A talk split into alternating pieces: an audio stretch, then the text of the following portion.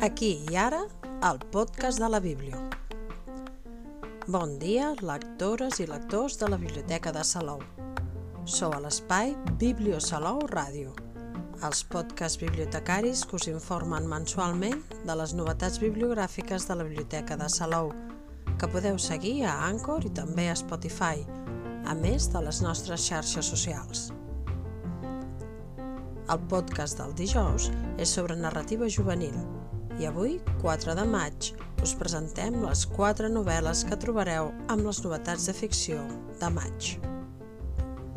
Escolteu i preneu una nota, que comencem. En primer lloc tenim Ara que som joves. Noi coneix noia. Xerren. Sembla que hi ha bon feeling, però acaben sent només amics. Noia coneix noia i ara comparteixen pis, estudis i vida. Noi coneix noi en parella i ara mantenen una relació de tres. Qualsevol coincidència amb la realitat és perquè tots els relats estan basats en casos reals que han nascut de la flama creada ja sigui a través de les xarxes o en les trobades de Tindercat per les diferents places del país. Històries plenes d'amor, en totes les seves formes i expressions, dolces o amargues, però sempre tan intenses com el primer cop. El Tindercat és un projecte autogestionat per joves amb ganes de gresca.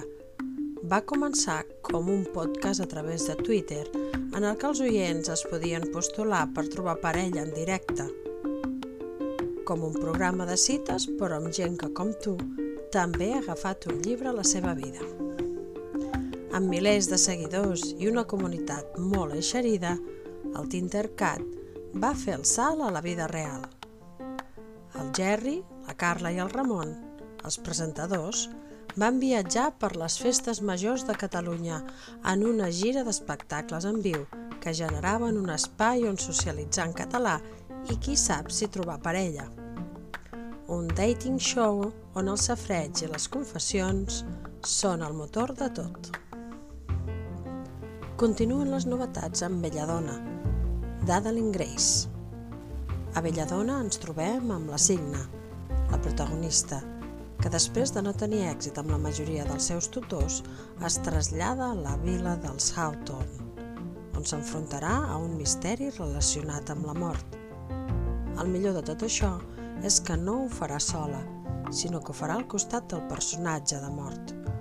Un personatge amb un toc tan gòtic i fosc que en certs moments ens arriba a posar en tensió i no obstant això, una personalitat que aconsegueix que vulguis saber més i més coses sobre ell.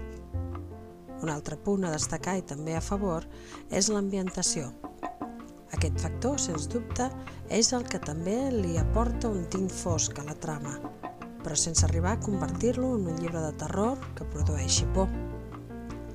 Aquesta narració tan ben reeixida, al costat d'aquests balls de màscares, fantasmes i una vila enorme, creen un ambient fosc i esgarrifós ideal per a aquesta trama de thriller. I finalment, cal destacar el final de la història. Està ple de plot twist, que no t'esperes i encara que al final la trama d'aquesta primera part queda tancada, s'obre una nova finestra i un nou misteri que ens deixa amb moltes ganes del segon volum. Belladona és el vostre llibre si us ve de gust llegir un thriller fosc que us atrapi des del principi, amb una ambientació victoriana espectacular i uns personatges que us encantaran al mateix temps que us faran venir esgarrifances. Seguim amb Donde todo brilla, d'Alice Kellen. Donde todo brilla és una història d'amor emocionant i intensa. Des del començament, Alice Kellen aconsegueix arribar al cor del lector amb frases dignes de destacar, per a poc a poc anar construint una història perfecta. Una història, per cert, que acabem sentint com a pròpia gràcies a la bona i profunda construcció que fa dels personatges i a la seva intel·ligent estructura narrativa basada en els constants salts temporals. Amb aquesta nova novel·la, Kellen, que ja compta amb més de 2 milions de lectors a tot el món, es proclama com una de les escriptores de novel·la romàntica més importants que hi ha ara mateix a Espanya. I el seu èxit, consolidat en un coneixement profund tant del gènere com dels seus lectors. Donde todo brilla, que sens dubte es convertirà en la novel·la preferida de molts lectors i lectores, manté l'essència de l'escriptora, aconseguir remoure els sentiments del lector i fer que es plantegi la vida d'una altra manera, o si més no, que vulgui mirar-se-la des d'un altre lent. I finalment, la darrera novetat de maig és Un lugar a Mungo, de Douglas Stewart. Als seus 15 anys, Mungo, un adolescent amb una sensibilitat diferent de la resta dels nois del veïnat, viu en un barri obrer de Glasgow, de l'era post-Thatcher, en el si d'una família protestant, sense pare, amb una mare alcohòlica i un germà que representa tot el que ell odia.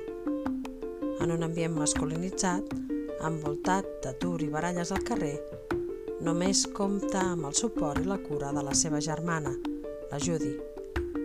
Després d'una baralla familiar, la seva mare decideix enviar-lo a pescar amb dos desconeguts d'alcohòlics anònims perquè facin d'ell un home de profit.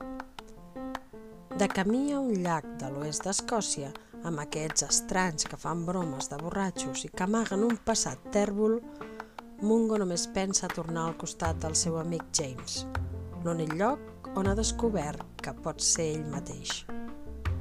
Douglas Stewart ens acosta amb una prosa lírica i vívida el perillós primer amor entre dos adolescents en aquesta lúcida i commovedora història sobre el sentit de la masculinitat i del deure envers la família, les violències a les quals s'enfronten les identitats quer i els riscos d'estimar massa algú.